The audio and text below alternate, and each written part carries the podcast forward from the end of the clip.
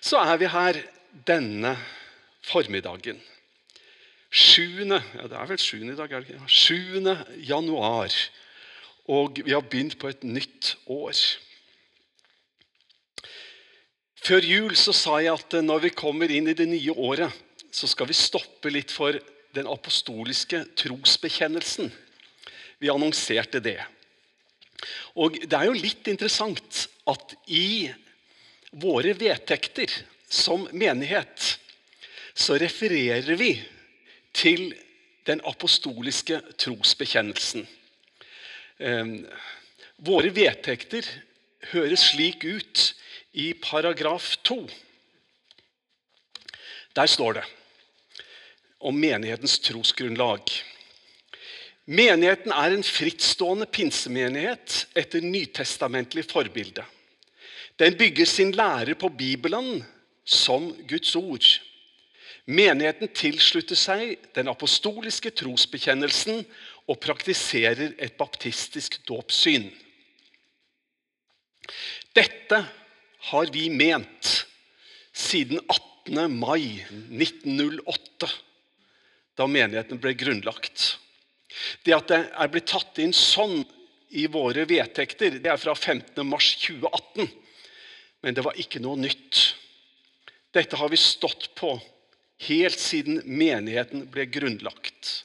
Men vi syntes at når vi reviderte vedtektene da, at det var fint å ha det knytta litt til noe som man står felles om.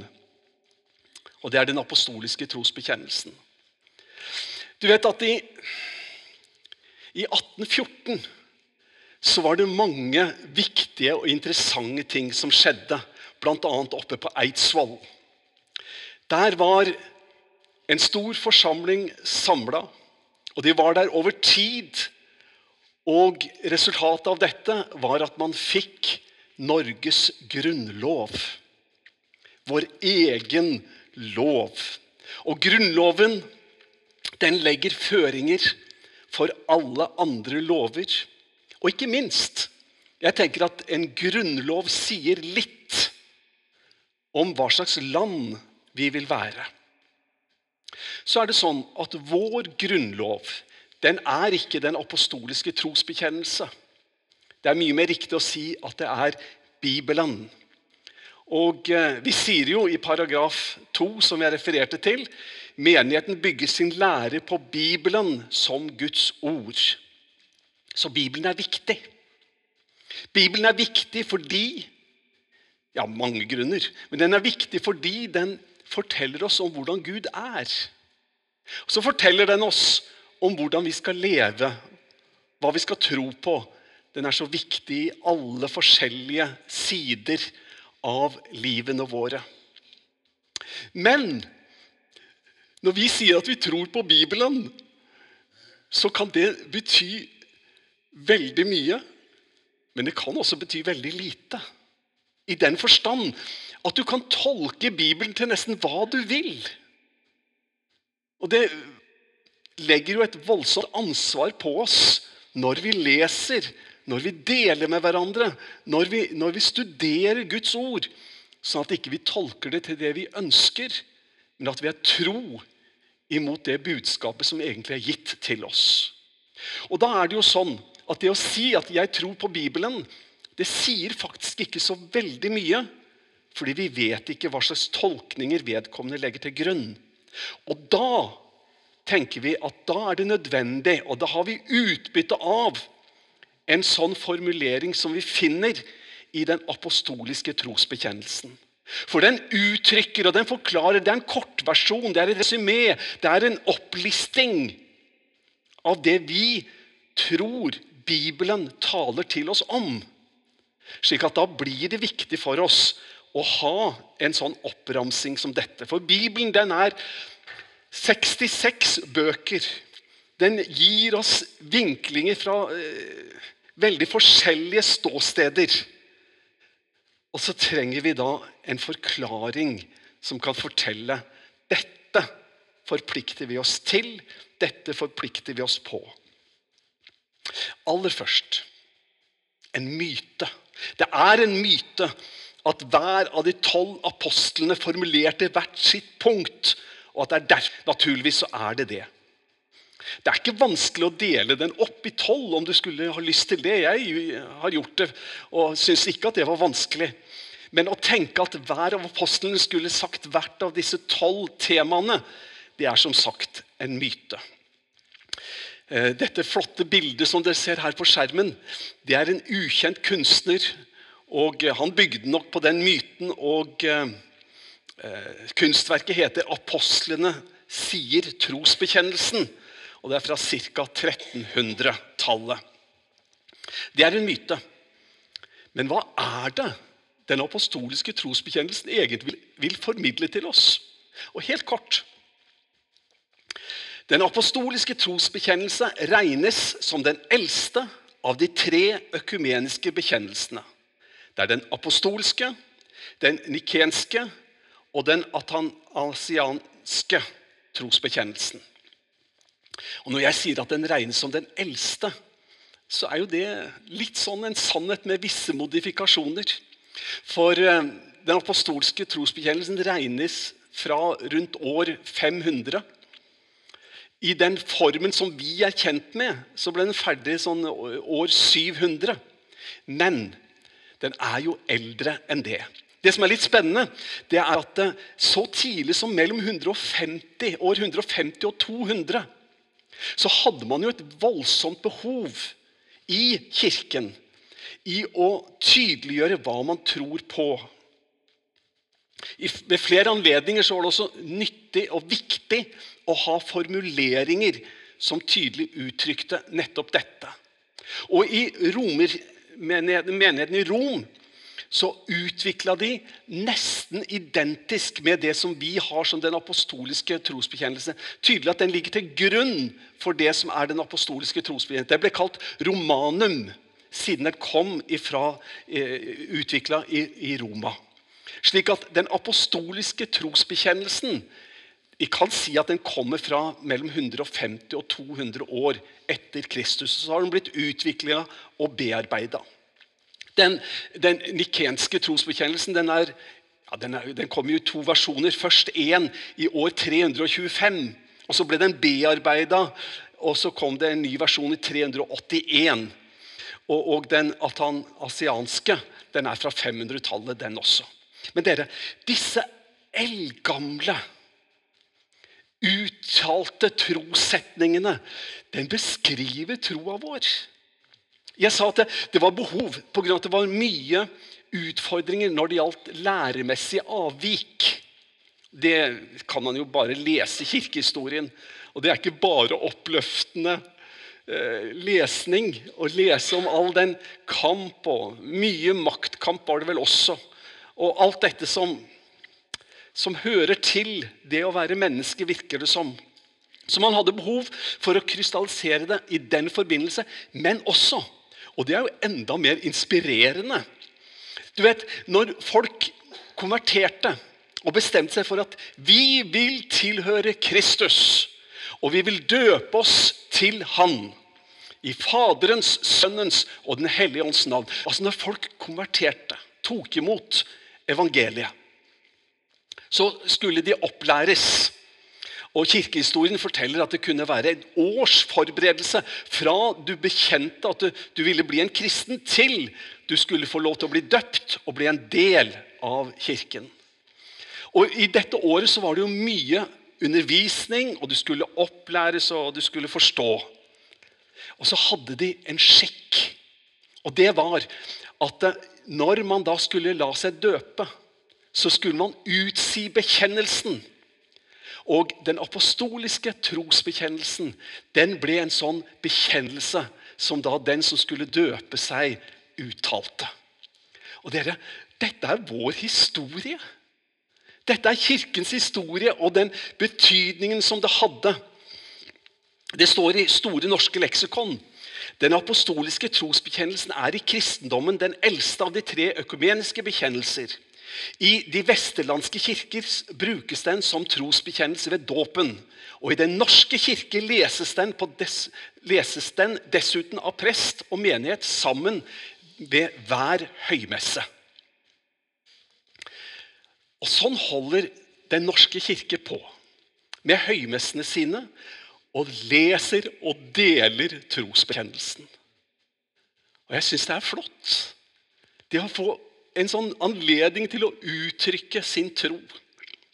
Vi jo, har jo litt annen tradisjon og en litt annen kultur. Men jeg hadde hatt så lyst i dag til å invitere oss Ikke tro at jeg er ferdig med talen allerede nå. Det er ikke sånn ment at det er avslutninga. Men jeg hadde så lyst til å invitere oss til å dele trosbekjennelsen med hverandre. Det er jo ikke bare en teori, men det er noe vi tror på. Det er noe som vi i våre vedtekter sier at vi tilslutter oss. Og dere, det å gjøre det sammen, det er i den apostoliske trosbekjennelsens ånd, hvis jeg kan bruke et sånt ord. For den er økumenisk. Det er noe som binder oss sammen. Så kjære medvandrere, jeg inviterer oss alle til å stå opp, og så skal vi lese det sammen. Vi reiser oss. Og Hvis ikke du har noe ønske om å utsides, så selvfølgelig så trenger du ikke det. Men vi skal ha denne anledningen hvor vi kan, om vi vil, si det sammen. Skal jeg prøve å lede oss i dette. I Jesu navn. Jeg tror på Gud Fader, den allmektige, himmelens og jordens skaper. Jeg tror på Jesus Kristus, Guds enbårne sønn, vår Herre, som ble unnfanget ved Den hellige ånd, født av jomfru Maria, pint under Pontius Pilatus, korsfestet, død og begravet, for ned til dødsriket, sto opp fra de døde tredje dag, for opp til himmelen, sitter ved Guds den allmektige Faders høyre hånd, skal derfra komme igjen for å dømme levende og døde. Jeg tror på Den hellige ånd, en hellig allmenn kirke de helliges samfunn, syndenes forlatelse, legemets oppstandelse og det evige liv. Amen. Amen. Vær så god og sitt ned.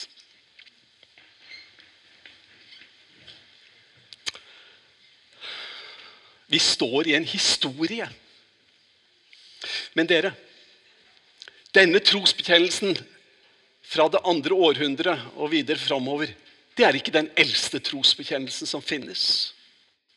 Vi har flere i Det nye testamentet, i selve bibeltekstene. Og eh, jeg skal lese fra Rombrev kapittel 10. Dette er troens ord, det som vi forkynner. For hvis du med din munn bekjenner at Jesus er Herre, og i ditt hjerte tror at Gud oppreiste ham fra de døde, da skal du bli frelst. Med hjertet tror vi, så vi blir rettferdige. Med munnen bekjenner vi, så vi blir frelst. Skriften sier, 'Ingen som tror på ham, skal bli til skamme'. Den apostoliske trosbekjennelsen er på mange måter det er kriteriet for medlemskap som står, altså I paragraf 2 så står det om at, om vårt trosgrunnlag. Og senere, når vi kommer til kriterier for medlemskap, så har vi sagt at for å kunne bli medlem i vår kirke, så må vi bekjenne Jesus som Herre. Og eh, det at vi tok med det når vi laget disse statuttene, her, vi hadde en sånn lyst til å forankre det i disse dette er jo bibelteksten, men i disse eldgamle trosbekjennelsene som vi er kjent med. Og du får lov til å bekjenne Jesus som Herre. Og dette skriftordet her, det er jo på mange måter en neste direkte sitert av den apostoliske trosbekjennelse. For den begynner jo sånn som dette, at 'jeg tror på Gud Fader' den allmektige himmelens og jordens skaper. Og det disse våre kirkefedre gjorde, det var at de begynte med disse to ordene. Jeg tror. Jeg har jo nettopp referert til Rombrevet kapittel 10 og de viktige versene som står der. Men jeg skal få lov til å lese det en gang til. Og jeg skal sette det i en sammenheng med et vers fra Hebreerbrevet kapittel 11. Og de to bibelversene det skal vi høre og lytte til, og jeg er helt sikker på at de var blant de mange bibelvers som disse kirkefedrene hentet inspirasjon fra når de utforma den apostolske trosbekjennelse. Hør her. Med hjertet tror vi så vi blir rettferdige. Med munnen bekjenner vi så vi blir frelst. Det leste vi. Og nå fra Hebreerne 11,6. Uten tro er det umulig å være til glede for Gud. For den som trer fram for Gud, må tro at han er til, og at han lønner dem som søker ham. Ut fra disse to versene, som jeg føler er tatt så tydelig inn i den apostoliske trosbekjennelse i begynnelsen når han sier 'Jeg tror'. Ut fra disse versene så skal jeg veldig raskt peke på tre ting som jeg tror kan være interessant og spennende og trosstyrkende og inspirerende for oss. For det første det lærer oss noe om rekkefølge. Altså hjerte og munn. Med hjertet tror vi så vi blir rettferdige. Med munnen bekjenner vi så vi blir frelst. Du vet, hjertet Det er ikke det helt det samme som hodet. I den forstand altså Vi kan forstå noe. Vi kan vite noe. Men det å tro det, det er to litt forskjellige ting. Det, det har på en måte tatt, tatt bolig i oss, i vårt indre, på en dypere måte enn bare å vite og kunne. Altså, Det sier oss noe om rekkefølge. og jeg tenker Det er denne måten vi kan få oppleve at det skjer noe inni oss. Og så får det lov til å utvikle seg. Og så får vi lov til å studere, og så får vi lov til å grunne, så får vi dele. Så får vi lov til å ta inn, så får vi be Gud om, om hjelp til å forstå. Og så kommer han og minner oss om hva han har sagt, og han taler til oss ved sin ånd. Og så får vi mye i hodet etter hvert, forhåpentligvis, av kunnskap. Men hjertet med hjertet tror vi at vi bare vet. Og du vet Jeg tror jeg har en sånn tro. I den forstand om du vinner en diskusjon med meg, om du klarer å sette meg fast sånn at jeg ikke klarer å, å forsvare troa mi på en god og effektiv måte Vet du hva? Jeg ville tro allikevel. For det, det er noe inni meg som at Jo, jeg tror på Gud.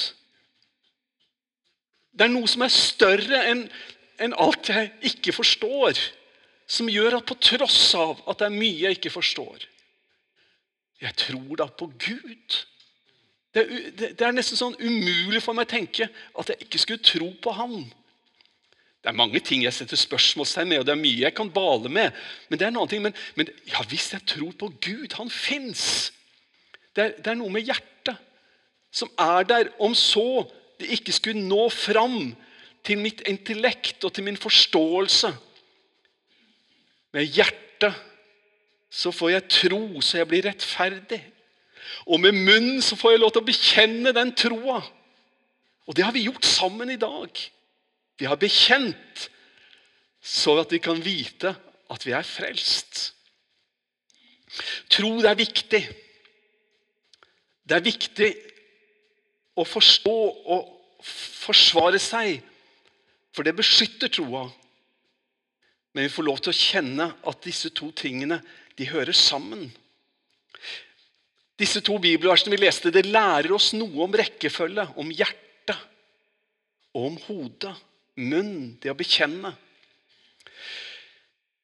For det andre så lærer det oss noe om tvil og tro. Tro nok til å komme. Vi leste fra Hebrebrevet, kapittel 11. Der leste vi om at det er umulig å glede Gud. Altså Det er umulig å komme til Gud med våre bønner uten at vi tror på Ham. For å si det på en annen måte Det at vi kommer til Gud med våre behov og våre bønner, det er et uttrykk for at vi tror på Han. Ikke sant?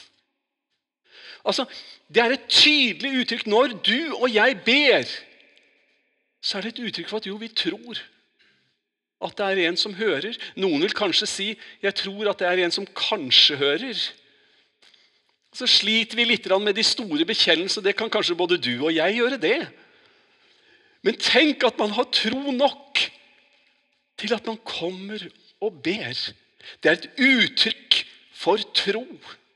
Jeg har hørt mange vitnesbyrd om mennesker som har sagt at de var så langt nede og de var så fortvila. Så formulerte de en bønn, og så sa de noe sånn som dette at Kjære Gud, hvis du fins der oppe, og hvis du hører, så hjelp meg nå. Og Det er kanskje noen som synes at det er en dårlig bønn, og at det er en liten trosfrisk bønn. Men vet du hva, jeg tror Gud elsker sånne bønner. Jeg tror Gud tar imot de som kommer med sin tvil og kommer med det som ikke er så enormt, men som kommer fordi at de har tro nok til at jeg får noe prøve i alle fall. Jeg får nå komme til deg om du hører et rop fra en som er i nød. Så kommer jeg til deg har ikke så mye å skryte av, men jeg kommer nå allikevel. Og du, Bibelen sier noe om tvil og tro.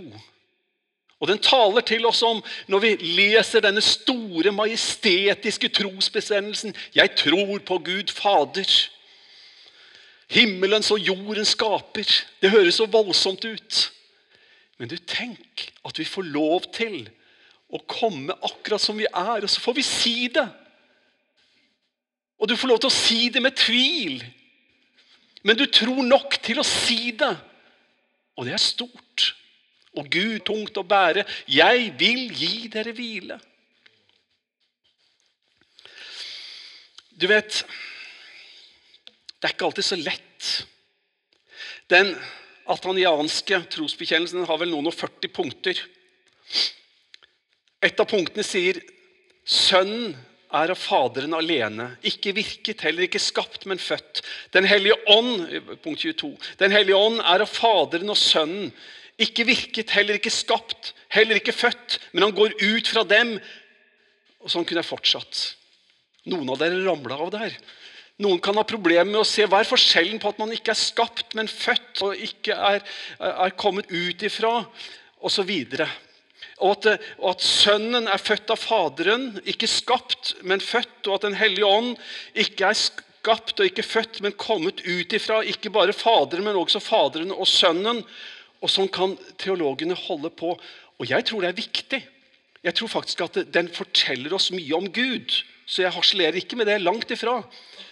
Men jeg sier at det, det er ikke alltid så lett for oss å forstå. Å begripe og kunne forklare det.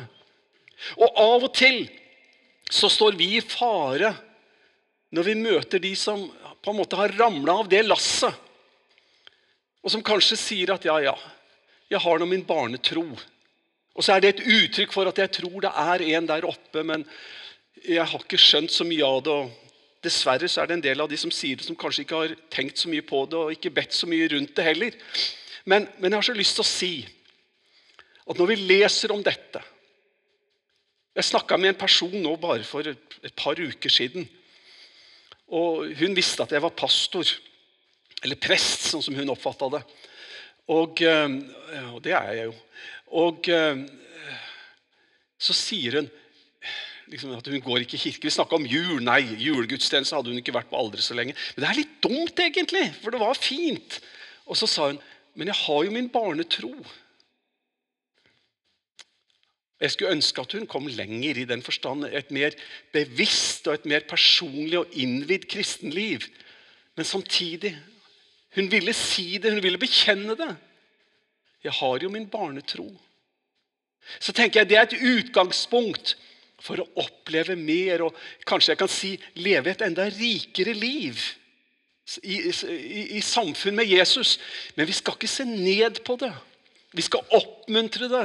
Vi skal ikke slå det ned og si at det er ikke bra nok. Men vi skal heller inspirere og løfte opp, sånn at man kan ta nye skritt på denne veien som har med å bekjenne tro. Jeg tror på Gud. Du,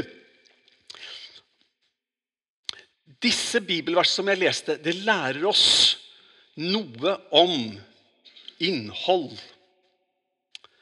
Nemlig at han lønner den som søker ham. Det sto det jo i Hebreerne 11 der. Altså, Den troen som gir seg uttrykk av ved at vi kommer, ved at vi våger å be. At vi syns det er bryet verdt i anførselstegn, å be til Han. Og han lønner. Lønner er kanskje et litt dårlig ord i den sammenheng, for det høres ut som at vi får betalt for en prestasjon. Men, men det er jo nådeslønn. altså Det at han møter oss og hører. Altså Innholdet i at vi kommer til Han, det er en beskrivelse. Dette tror jeg er viktig. Det er en beskrivelse av en nådefull Gud. Jeg tror på en Gud som jeg kan komme til. Ikke med de store bekjennelsene nødvendigvis, men at det er nok at jeg i det hele tatt kommer og ber. Og denne Gud har en natur og et vesen som gjør at han gir. Han lønner den som ber. Og det er nåde over nåde, ikke noe vi har gjort oss fortjent til. Altså, I disse versene som setter utgangspunktet for den apostoliske trosbekjennelse, der vi sier 'jeg tror på Gud', så sier det noe om hvilken Gud vi tror på. Det er en Gud som er en god Gud, som gir. Ja, vi kunne sagt at det er en Gud som Bibelen så tydelig beskriver for oss, som er kjærlighet. Som gir av sin nåde. Som tar oss stakkars mennesker, som tar oss til seg. Som har begynt den gode gjerning i oss, og som kommer til å fullføre den. Som gjør at du og jeg får evig liv og skal sammen være hos ham i evigheters evigheter. Vi tror på en sånn Gud. Ikke bare på en allmektig Gud, ikke bare en som skapte himmel og jord, men det tror vi så avgjort på. Men en Gud som er slik som Bibelen totalt sett beskriver ham som. Full av kjærlighet. Ja, én, som Hebrebrev sier, som lønner den som ber. Jeg tror at det for oss å lese dette, lese disse bibeltekstene, komme med bekjennelsen om hva vi tror på, jo at vi tror på Gud. Jeg tror egentlig at det å forstå hvordan Gud er, det at han er den som lønner, den som gir nåde over nåde At han er en slik Gud, er en betingelse for at vi kan følge han. Det er ikke nok å se hans storhet, hans allmakt. Det er ikke nok bare å ha en forståelse av at jo, jeg tror på en allmektig Gud som står bak alt. Men vi må få tak i vi, den, vi tror på den allmektige Gud som er full av nåde og barmhjertighet. Og bare da blir det naturlig for oss å følge ham. Du vet, Jesus kalte disiplene og sa 'følg meg'. For disiplene så var det veldig konkret. De forlot fiskegarna eller hva de holdt på med. Og så fulgte de Jesus på veien. Helt fysisk og konkret. Men du og jeg vi har det samme kallet.